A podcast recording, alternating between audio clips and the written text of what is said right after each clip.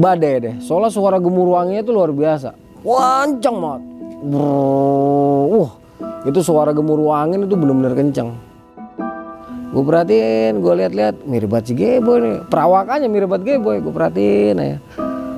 Gue perhatiin, eh dia jalan tuh ke arah kawah. Jadi selama kita di puncak Sindoro itu otomatis kita hanya menghibur babe. Kembang, Wijaya Kusuma yang saat itu ranum mungkin layu di mata babe.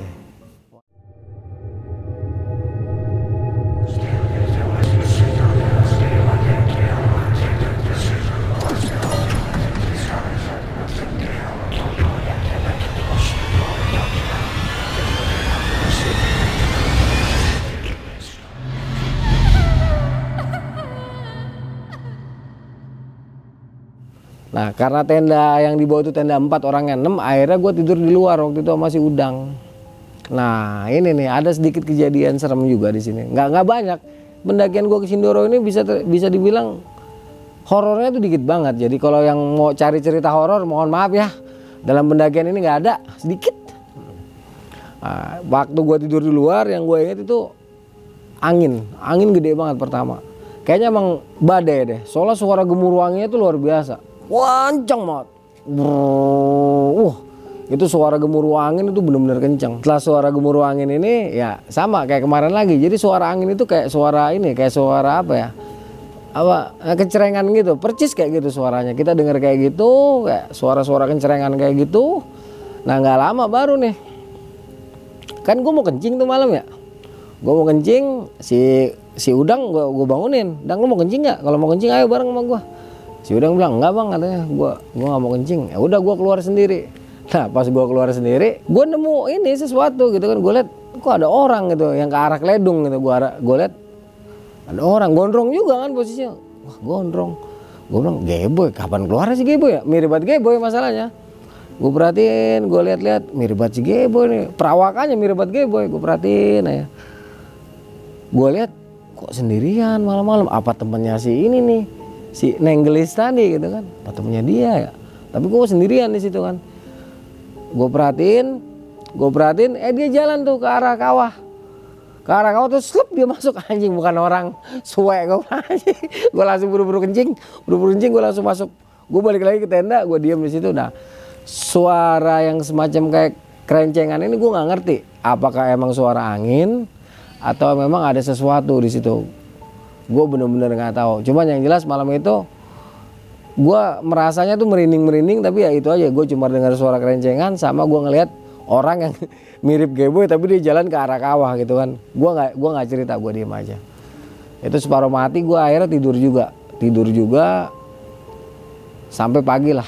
Jadi sepanjang malam itu sebelum gue tidur yang gue inget adalah itu suara angin yang seperti suara kerencengan tadi. Dan anginnya tuh emang bener-bener gede untung api udah kita matiin kalau api waktu itu belum kita matiin nggak tahu juga deh Nah, soalnya di sekeliling kita tuh ada Luisnya masih padat, masih rapet gitu kan. Nah, alhamdulillahnya kayak gitu. Setelah pagi dateng itu, udah gua sama Geboy langsung. Yang biasa nggak pernah sisiran, sisiran dulu gitu. rebutan sisir. Lah beneran, sampai rebutan hand body gua sama Geboy. Biar kinclong. Lah beneran, boy jangan sampai keling kita gitu kan. Jadi selama kita di puncak Sindoro itu otomatis kita hanya menghibur babe. Kita memberikan istilahnya nasihat lagi sama Babe. Udahlah Be, kan target kita Sindoro. Eh target kita emang Sindoro kan Be. Ya, Desi mah bonus gitu kan. Syukur-syukur dapet Desi. Kalau enggak ya udah gitu kan. Babe dia nggak banyak ngomong. Dia nggak banyak ngomong, dia diem. Intinya pada intinya saat itu kita di puncak Sindoro tuh serba bingung gitu kan. Nah si Babe kan dua hari pertama di sana tuh kayaknya memang udah udah jelas ya kegagalannya ya udah jelas ya. Desi ini kayaknya lebih cenderung deket sama Geboy. Nah, Geboy yang paling gak enak waktu itu. Karena apa? Sekuat-kuatnya Geboy ngindarin, ngindarin Desi. Desi tetap maunya ngobrol sama Geboy kalau nggak sama gua. Nah, Babe kayaknya udah feeling gitu kan, udah feeling. Ya udahlah selama kita di Sindoro ini, gue bilang sama Babe, udahlah Be, ntar kalau kita turun tes aja aja ke Dieng gitu kan. Tapi lu aja berdua ya gitu, jangan jangan jangan ajak Geboy atau jangan ajak gua gitu. Ya udah akhirnya kita matangin rencana nih di Sindoro sambil kita nikmatin pemandangan Sindoro. Jadi saat itu Sindoro tidak seperti sekarang. Dulu Sindoro tuh ijo royo-royo bahkan sampai di kawahnya yang sekarang keluar asap belerang itu dulu dipenuhi oleh Edelweiss di bawahnya itu ada air. Ya ada sumber air yang betul-betul seger. Enak banget. Beda banget sama Sindoro sekarang. Itu di sekeliling kawah Sindoro yang bulat itu isinya Edelweiss sampai ke tebing-tebing Sindoro itu isinya Edelweiss.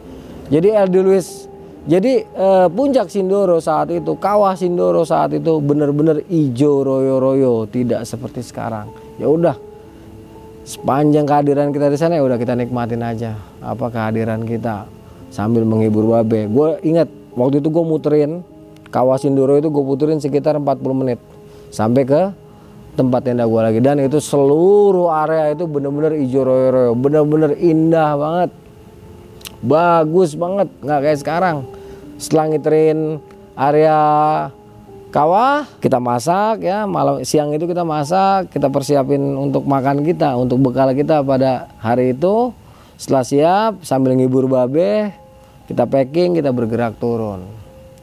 Bergerak turun. Waktu itu gua sama Geboy karena gimana ya pengen buru-buru sampai gitu kan. Jadi setelah packing gue sama Geboy jalan duluan lari duluan tuh turun ke bawah. Wah itu sekitar jam 2 kita mulai bergerak turun. Bro kita mulai bergerak turun sekitar jam 2 tret jam 5 kita sampai bawah. Nggak taunya tenda sebelah kita udah nggak ada.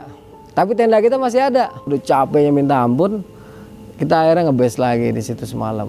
Di sini babe murung. Jadi kemurungan babe karena ya itu yang tadi gue udah sebutkan ya.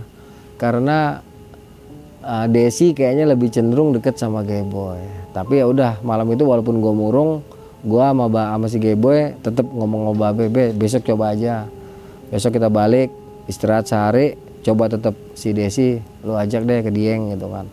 Intinya kita malam itu membesarkan hati Babe sebelum tidur. Sebelum tidur kita kita coba membesarkan hatinya Babe berhasil ya berhasil. Babe akhirnya bisa senyum uh, kita istirahat. Istirahat nggak ada apa-apa itu malam kayaknya lancar-lancar aja deh. Nggak ada suara apa-apa kayaknya udah langsung tidur udah, udah pagi pagi kita langsung packing langsung buru-buru turun. Kira-kira uh, jalan kaki nih masalahnya gue pas turun. Waktu naik kan masih dapat angkot. Pas turun eh buset jauh bener anjrit. Itu buat sampai ke jalan aspal itu jauh banget. Tambi saat itu tidak seperti Tambi sekarang. Nggak ada tuh yang namanya angkutan umum. Apalagi ojek belum ada, benar-benar belum ada. Karena memang jalur Tambi itu belum dikenal luas gitu kan. Hanya orang-orang setempat aja yang tahu jalur pendakian Tambi. Kalau dari Jakarta dari mana ada yang tahu tapi nggak nggak banyak lah sedikit. Jadi tra mode transportasi di sana baik ojek pun belum ada pada saat itu. Untung-untungan aja kalau kita ketemu call terbuka, ya udah kita bisa apa namanya e, meringankan beban dengkul kita. Tapi saat gue turun tuh nggak ketemu sama sekali. Aduh begitu sampai ke bawah gempor itu dengkul rasanya pindah ke pinggang. Anjir capek banget. Udah tapi untungnya di bawah ini kita nggak lama gitu kan. Kita nggak lama terus kita dapat angkot langsung ke terminal Wonosobo. Di terminal Wonosobo kita langsung jalan ke rumahnya Desi. Di rumah Desi gue langsung tepar. Gue Geboy Udang sengaja jalan-jalan ninggalin Babe sama Desi di rumahnya Desi. Ya jadi setelah kita tidur istirahat kan Wonosobo dingin banget ya. Jadi kita nggak mandi. Cuma cuci muka selesai cuci muka gue Geboy Udang langsung dang boy cabut. Kenapa Babe Babe gitu kan. Karena kan kemarin malam kita udah setting nih udah setting rencana kan. Udah Babe juga sebelum jalan udah kita pesenin beh jangan kaku jangan kaku jangan kaku santai gitu kan. Kalau lu santai lu masih bisa harapan dapat. Gua, gue, Gentur, Imam, Udang sama Gebo itu keluar main ke rumahnya si Gentur. Sengaja si Babe kita tinggal di rumahnya Desi. Nggak taunya kita baru setengah jam di rumahnya Gentur. Desi sama si Babe nyusul ke sana. Ya nggak jadi keding nih bocah gitu kan. Ternyata Desi nggak mau diajak berdua ke Dieng sama si babe gitu alasannya kok berdua-dua gitu kan kalau mau bertiga gitu. Nah bertiga ini tapi yang dipilih sama si Desi si Geboy. Geboy nggak mau. Akhirnya nggak jadi tuh berangkat ke Dieng. Kita ngumpul di rumah Gentur pada malam pada siang itu. Itu sore eh itu siang itu kan dari siang sampai sore kita di rumah gentur itu hujan deras. Di sinilah baru terlihat betul terlihat jelas bahwa jauh si babe dari cewek yang mungkin cewek yang pertama kali membuat dia jatuh cinta ya. Nah, akhirnya dengan dengan berat hati babe ngomong gitu ah udah nggak mungkin dah katanya.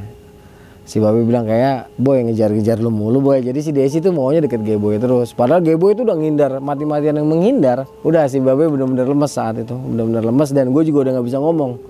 Gue bilang sama babe ya udahlah be gimana lagi? Desi bonus yang penting kita udah sampai Sindoro. Mudah-mudahan aja lu dapat lagi. Udah Babe benar-benar sedih saat itu, benar-benar sedih, dia banyak diemnya, gue juga jadi kikuk kan, apalagi boy super kikuk. Jadi yang harusnya kita mau nginep lebih lama lagi, itu kita nggak terusin. Untuk apa sih? Untuk menghindari inilah, kita kan harus ngejaga, jangan sampai lah gara-gara satu cewek ini persahabatan kita yang udah sekian lama, yang udah sekian kentalnya harus rusak berantakan hanya gara-gara satu hati gitu terpaut satu hati yang tidak satu hati yang terpaut tapi hati tersebut hanya bertepuk sebelah tangan. Sedangkan orang yang diincar malah ngincar temen. Nah kita waktu itu berprinsip nggak mendingan nggak usah sekalian gitu kan. Harusnya kita mau dua hari lagi kita mau ke air panas ya mau ke kali anget akhirnya kita tunda. Udahlah nanti aja lah kita ke kali angetnya. Dan alhasil sampai detik ini kita nggak pernah ke kali anget. Kita nggak pernah lagi tuh ke ke tempatnya Desi itulah kunjungan terakhir kita ke tempat Desi di saat kita melakukan pendakian ke Gunung Sumbing. Babeh benar-benar merasa sudah tidak mungkin mendapatkan Desi. Itulah kira-kira kisah gua selama di Gunung Sumbing pada tahun 1998 setelah naik dari Sindoro. Mohon maaf ini yang mau nyari horor pada kisah ini nggak ada sama sekali ya kisah ini lebih berbau kepada asmara dan kegagalannya serta kepahitannya. Kembang Wijaya Kusuma yang saat itu ranum mungkin layu di mata babe. Wassalamualaikum warahmatullahi wabarakatuh.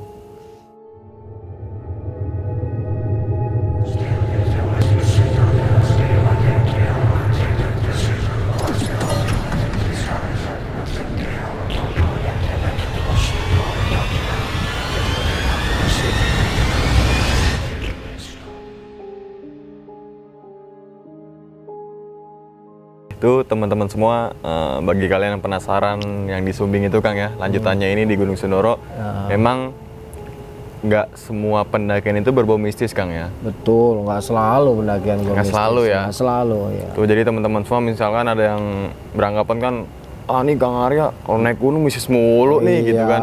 enggak Kang ya? enggak enggak sama sekali. Banyak banget pendakian gue yang hmm. nggak ada mistis juga banyak jadi mungkin teman-teman semua udah terjawab ya uh, kelanjutan dari si Desi itu bersama rekan Bang Arya itu si hmm. Bang Babe itu ya. Iya. Bahwa di di Gunung Sumbing saat itu memang kembang cinta di antara hujan. Iya. Yang tadinya Tidak. Babe dingin akan perempuan ya nah, ya kan. Dia menggelora. nah. Gelora. Terus pulang, hmm. akhirnya schedulein ke Sindoro. Iya. Dan memang pas saat di Sindoro itu Babe terlihat lebih murung Kang ya. Betul, lebih murung lebih karena murung. dua hari pertama di tempatnya Desi itu dia nggak berhasil. Mm -hmm. Soalnya kan itu uh, dua hari krusial sebenarnya. Mm. Kita udah pesan-pesan tuh dari di kereta juga udah dibilangin, "Beh, lu santai aja, anggap aja si Desi itu adik kelas lu kayak atau siapa kayak pokoknya bukan cewek yang lu taksir deh gitu. Lu deketin aja lu ngobrol. Jangan sampai gue sama Geboy masuk gitu. Karena gue sama Geboy kalau deket cewek tuh nggak pernah gue anggap gitu. Gue cuek aja gitu. Okay apa sih istilahnya kita tuh terbuka gitu hmm. ngelawak hmm. lucu gitu. Jadi cewek itu lebih nyaman ke kita dibanding sama cuma diem ya kan? Nah, malah nggak ada obrolannya malah susah. Nah, susah iya. Terus kita singgung singgung dikit yang misis kejadian itu kang yang aneh ya kejadian aneh. Uh -uh. yang suara angin tapi kayak suara kerincingan. Uh -uh, iya itu. Gue sampai sekarang bingung apaan hmm. itu. Apakah itu angin beneran atau memang ada sesuatu gitu. Itu emang dua kali kan kejadian yang dua pertama kali. sama yang Kang Arya keluar tuh kencing dari Betul tenda ya. Betul lah. Jadi yang pertama pas kita di kebun teh ya, kita dengar semua itu cuman karena situasinya lagi lagi hot gitu ya, lagi enak ya kita ada api unggun ini hot jangan yang aneh-aneh, api unggun. Api gitu unggun, kan. betul. ada api unggun nah di atas itu karena ada gue sempat ketemu sosok yang mirip Geboy dia turun ke bawah Iya. tapi gue nggak merinding gitu bro Yang ke kawah itu ya. Ah, dia turun ke arah kawah. Kalau dulu tuh danau kecil gitu kan. Dia turun ke situ, tapi gue ngeliat, gue nggak merinding gitu, nggak nggak takut. Begitu gue masuk baru ada badai, anginnya kencang lagi, tapi kayak suara kencing Itu pun, ya gue sempet merinding. Cuman nggak nggak takut gitu, biasa aja. Bahkan nggak kepikiran sama sekali. Ah, jadi memang nggak ngerti lah gue apakah itu angin atau memang ada sesuatu karena emang gue nggak pikirkan saat itu. Berarti anginnya di atas tenda, tapi te- keadaan tenda itu ada embusan angin nggak? Oh, kencang tenda gebuk-gebuk sampai gebuk-gebuk-gebuk. Uh, kencang banget Balik tenda dulu Kang ya, kayak tenda pramuka ya, nggak Ah. kayak sekarang tenda teknologi sekarang nih. Kalau tenda gua kebetulan udah dum. Oke, udah udah udah dum, udah dum cuman yang nggak ada Keongeng nggak luar ada itu ya. keongnya, nggak ada Oke. yang masih begitu aja Gitu udah. aja, Nah, modelnya bulat ya. bulat gitu sut ya gitu. Eh, Dan memang keadaan Sindoro pada tahun 98 dengan keadaan sekarang mungkin berbeda, sangat berbeda ya. Jauh. Kalau tadi jauh dijelaskan banget. sama Kang Arya, keadaan sekarang mungkin sangat berbeda, Kang ya. Yang tadi hijau, sekarang gersang, bisa Gersang dikatakan lagi ya. begitu. Aktif lagi soalnya aktif lagi kan, Nah, aktif iya. lagi. Terus juga yang tadinya angkutan umum Nggak ada. nggak ada. Hmm. Sekarang mungkin zaman canggih charteran, Kang ya. Iya. Charteran di mana-mana. Charteran di mana-mana dulu mah bener-bener jalan kaki. Ya gue pernah ceritain Garung aja dulu nggak ada apa-apanya gitu. Kita harus jalan kaki sampai ke base camp itu sekitar satu jam gitu dari pinggiran jalan. Itu pun masih makadam. Kalau sekarang kan udah aspal mulus. Base campnya cuman kedip aja sampai gitu kan. Kalau dulu nggak jalan jauh Jalan gitu. jauh, Nah, jalur lama lagi. Eh, jalur baru. Jalur baru Jalur kita baru, ngambilnya iya. sebelah kanan itu. Yang lama kan di kiri. Terus kita singgung lagi yang tadi ini mungkin teman-teman bisa ngambil poinnya yang terkait Bang Kang Arya menjelaskan api unggun. Betul. Ya. Mungkin ada beberapa pos pendakian atau gunung yang tidak memperbolehkan pendaki membuat, api unggun. Kebanyakan kejadian gunung terbakar karena ulah pendaki yang pengen bergerak turun ke bawah tapi api unggunnya lupa dimatikan. Betul. Karena mungkin tidak benar cara Betul. mematikannya. ya. Karena kan api unggun tiga punya tiga unsur Kang ya. Betul. Ada udara, bahan bakar juga panas. Nah, bahan tiga elemen ini kalian kalau mau meninggalin harus perhatiin Harus gitu. diperhatikan betul. Kalau api unggun kalau kalau kecil jadi teman, kalau gede jadi musuh Kang ya. Betul. Kecil jadi sahabat, gede jadi Sahabat, ya. penjahat dia. Heeh. Jadi Kang Arya menurut Kang Arya nih, apakah setiap pendakian gunung itu Kang Arya selalu membuat api unggun? Always. Selalu ya. Selalu. Bisa dibilang 90% itu bikin. Mm-mm. Ya, hanya beberapa lah yang enggak yang enggak pada tahun 90-an itu bisa dikatakan hampir semua pendakian gua bikin api unggun. Karena apa? Karena kita tahu tekniknya gitu. Bagaimana cara membuat api itu betul-betul menjadi sahabat kita. Seperti yang gue jelaskan tadi, jadi kita harus punya margin, safe. Margin safe itu pun kita harus punya dua ring atau tiga ring. Paling bagus tiga ring. Itu agak berarti sekitar 2 meteran dari pusat api, ya dari pusat api. Jadi ring pertama nih, kalau memang mau sedikit aman, ya kita batasin lagi pakai batu dia, agar bara-bara yang Terpercik ya. yang paling panasnya itu yang posisinya di bawah dia nggak nggak ikut terpercik kalau ada angin. Terus kira-kira 60 cm ya dari pusat api itu kita bersihkan, kita putuskan dari material-material yang bisa membuat bara api itu nyamber ke tempat lain. Nah, itu kita putuskan 60 cm muter. Terus yang kedua, lebih bagus lagi kita bikin lagi ring duanya sama. Nah, itu jadi tanah yang kita bersihkan itu kita buat seperti lingkaran, ngelilingin. Nah, itu salah satu teknik untuk mutus api. Begitu juga kalau ada kebakaran hutan. Tahu nggak trik mutus apinya kalau kita terjebak di tengah kebakaran hutan? Satu, kita perhatikan arah angin. Kita tahu arah angin ke mana, ya. Kita tahu api itu datangnya dari mana. Kita buat titik aman. Caranya apa? Kita bakar lokasi yang dekat kita. Jadi kita amankan dulu nih, ya. Kita buat dulu perimeter, ya. Ini harus cepat. Kita ini harus cepat supaya kita nggak angus terbakar. Jadi kalau api datang dari kanan, ya, berarti di sebelah kanan ini harus kita bakar. Sebelum api dari sana datang di sebelah sini harus yang dekat kita harus kita bakar dulu. Jadi yang dekat-dekat kita kita injek-injek dulu. Kita ini namanya perimeter ya. Kita injek-injek dulu. Ya kita injek-injek sampai kita kita tuh aman. Ya mungkin 3 meter lah ke depan. Ya 3 meter ke depan. Kalau misalnya dia pohon-pohon besar, ya itu nggak mungkin. Ya, yang jelas yang bisa kebakar tuh ranting-ranting pohon-pohon kecil dengan ranting-ranting kering. Nah itu kalau bisa kita patahin kita patahin. Yang dekat-dekat kita kita bikin yang namanya perimeter lingkaran atau pemutus api. Nah itu kita bakar itu. Jadi api dari sana tidak akan nyentuh kita karena dia 4 meter di depan kita udah habis, udah nggak ada yang bisa dibakar untuk sampai ke kita. Jadi palingan 4 meter ke depan tuh udah kita bakar duluan. Sebelum dibakar sama mereka kita bakar duluan nih. Tapi kalau mereka nyambernya ke sana nggak apa-apa biar putus kalian gitu kan. Ya kalau emang sanggup ya putusin. Putusin aja seluruh garis api. Cuman kayaknya nggak bakal sanggup. Palingan nggak kita amankan diri kita aja. Caranya kalau titik api dari kanan berarti sebelah kanan kita 4 meter itu ke depan kita bakar dulu.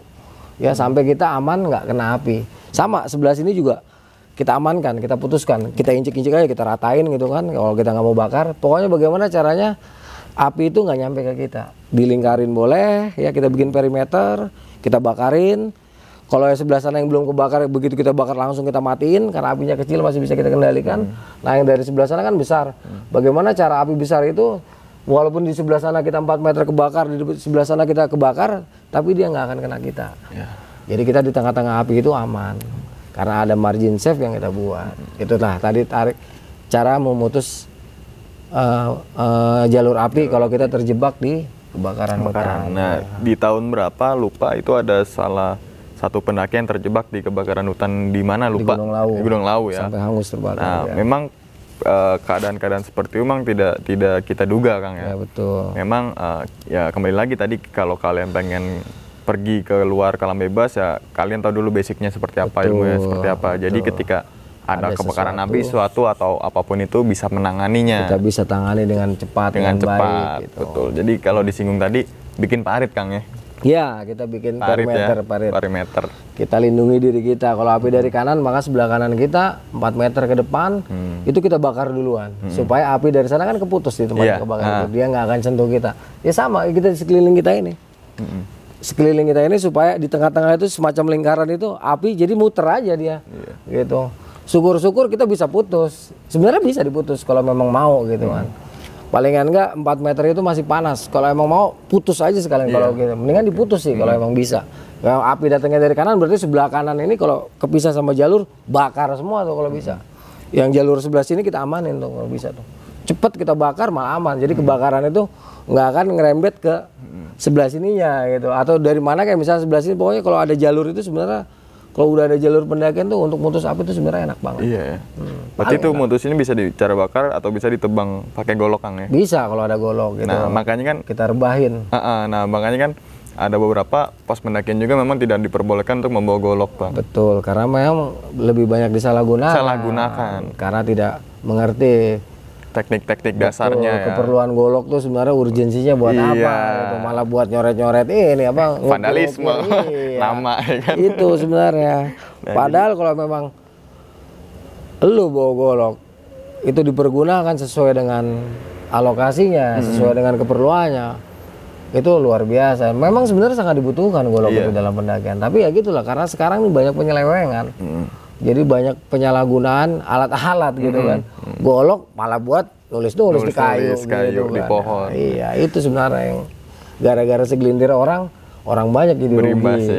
Iya. Nah jadi teman-teman kalau nggak tahu betul tentang dasar teknik eh, pembuatan api unggun, mendingan nggak usah deh. Ini nggak usah ya, Ini nggak usah, bagaimana cara memadamkannya. juga. Seperti tadi kan udah gue jelasin, bara-bara yang paling besarnya kita gali lubang kita masukin dulu tuh, terus kita hancurin, kita gecek, uruk, kita injek, jangan sampai sehingga itu tadi udara itu nggak bisa masuk lagi. Baru setelah kita uruk, baru kita masukin lagi nih bara-bara yang agak kecilnya kita uruk lagi. Ya, jadi ada dua lapis Iya. Tingkatan sebenarnya itu baru benar-benar aman kita Jadi tiga elemen itu hilang kang ya, elemen api hilang, itu ya. hilang karena nggak ada udara sama sekali. Jadi emang harus padat. Padat betul. Iya. Nah ini juga sedikit sharing gue pernah temuin di Gunung Lawu di Hmm. mana le- apaan sih namanya tuh lembah Kijang ah Gupakan Menjangan. Oh, gupak menjangan. Gupakan Menjangan kan kalau teman-teman tahu itu sangat terbuka, anginnya Betul, gede. anginnya gede. Itu ada salah satu pendaki, rombongan pendaki yang memang malamnya saat itu Bikin membuat api unggun. Hmm. Tapi pas paginya api unggun tuh bia- biarin membara. Oh, dibiarkan membara. Oh, itu bahaya banget itu. Apinya nggak ada tapi hawa panas yang membanakan masih ada. Masih ada baranya. Kan gitu. Itu sumber sebenarnya itu. Apinya hilang, tapi kalau baranya masih ada, ini potensinya luar biasa. Nah, Betul. ini. Jadi kalau teman-teman semua melihat atau menemui rombongan pendaki yang memang tidak bertanggung jawab nih Kang atas Oh. membuat api unggunnya tegur aja. Tegur kalau enggak ya, ya kasih tahu kayak gini tahu, gitu caranya kan. begini kita kita mohon maaf ya sama -hmm. dia caranya yang baik-baik kita baik. kasih tahu contoh udah jadi saling ngingetin aja saling kan, ngingetin itu sangat perlu kalau orang yang kita ingetin nggak mau ya kita pura-pura aja kita hmm. diem aja dulu hmm. situ pura-pura istirahat sampai dia pergi kita Baru. amankan gitu daripada ribut.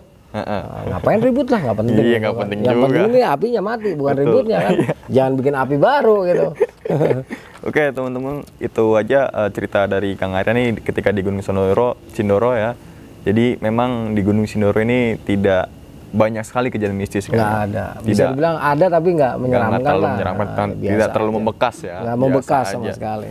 Jadi uh, teman-teman yang mungkin beranggapan bahwa Desi ini bukan orang kan gitu Kang ya. Iya. Dia itu orang kok bener kok. Orang bener orang ada rumahnya, iya. rumahnya dan sebagainya. Uh. Nah teman-teman uh, semua minta doanya. Insya Allah pada bulan Mei Kang ya, Insya iya. Allah Kang Arya akan mengeluarkan buku kedua Buku kedua betul. Buku kedua, tapi judulnya masih 1001 kisah pendakian. Iya, ada nanti setelah 1001 kisah pendakian bawahnya ada caption mm -hmm. perjalanan para demonstran Mahameru 9000 eh Mahameru 1998. Nah, kalau boleh tahu Kang, itu sin, uh, latar belakangnya itu Kang, buku itu buku kedua. Nah, latar belakang buku kedua adalah peristiwa jatuhnya salah satu presiden pada saat itu ya. Okay salah satu gejolak politik terbesar setelah 66. Itu latar belakang pertama. Yang keduanya adalah latar belakang pendakian kita yang dilakukan setelah kita melakukan demonstrasi habis-habisan. Okay. Setelah melakukan pendakian gunung pada bulan November, pada tanggal 11 November sampai 15 November, kita menghadapi peristiwa Semanggi II yang juga memakan korban cukup banyak. Jadi hmm. dua frame-nya tuh dua main frame-nya adalah peristiwa gejolak ya gejolak Gejolak. nasional yang saat itu memang kebetulan gue sebagai mahasiswa sebagai demonstran ya betul-betul melakukan mengalami kejadian tersebut dan menjadi pelaku dari demonstrasi ingat ya demonstrasi 98 itu berbeda dengan kerusuhan Mei 98 bedakan dengan jelas kerusuhan Mei 98 tidak dilakukan oleh mahasiswa kerusuhan Mei 98 adalah kerusuhan yang disebabkan oleh tewasnya mahasiswa yang mengakibatkan marahnya masa. Hmm. Tetapi bukan mahasiswa yang melakukannya. Hmm. Mahasiswa ada di dalam kampus. Ingat, kita sebagai kaum intelektual, sebagai kalangan akademis tidak pernah ikut-ikutan urusan bakar-bakaran. Hmm. Itu urusannya adanya di pusat perbelanjaan hmm. dan bukan mahasiswa. Hmm. Itu orang-orang dari mana-mana. Hmm. Terus peristiwa November 98 itu sudah berganti kepemimpinan dari Presiden Soeharto ke Presiden Habibie. Latar belakang peristiwa 98 pada bulan November yang terkenal sebagai Semanggi Satu hmm. adalah sidang istimewa. Okay. Ya, ini harus jelas, jelas. jangan sampai nggak jelas nah, gitu. Jadi dari latar belakangnya udah tahu nih, seru banget, sangat seru kan, ya. sangat seru banget nih kalau. Insya Allah seru banget. Insya Allah. Nah mungkin teman-teman semua kalau ingin memesan ya Kang ya bisa ya. hubungin nomor atau langsung DM di Kang Arasena. Betul. Yaitu ya. Instagramnya Arasena underscore Arya underscore Sena 7. Betul. Ya. Dari sini kalian juga mampir ke YouTube-nya Kang Arasena yaitu Arasena Cerita, Cerita Pendakian. pendakian. Fanspage-nya juga ada, Instagram juga ada. Ingat sekali lagi ambil sisi positifnya dalam video ini. Itu banyak banget sih tadi di, udah disampaikan uh, oleh Kang Arya. Oke teman-teman semua sampai sini dulu. Wassalamualaikum warahmatullahi wabarakatuh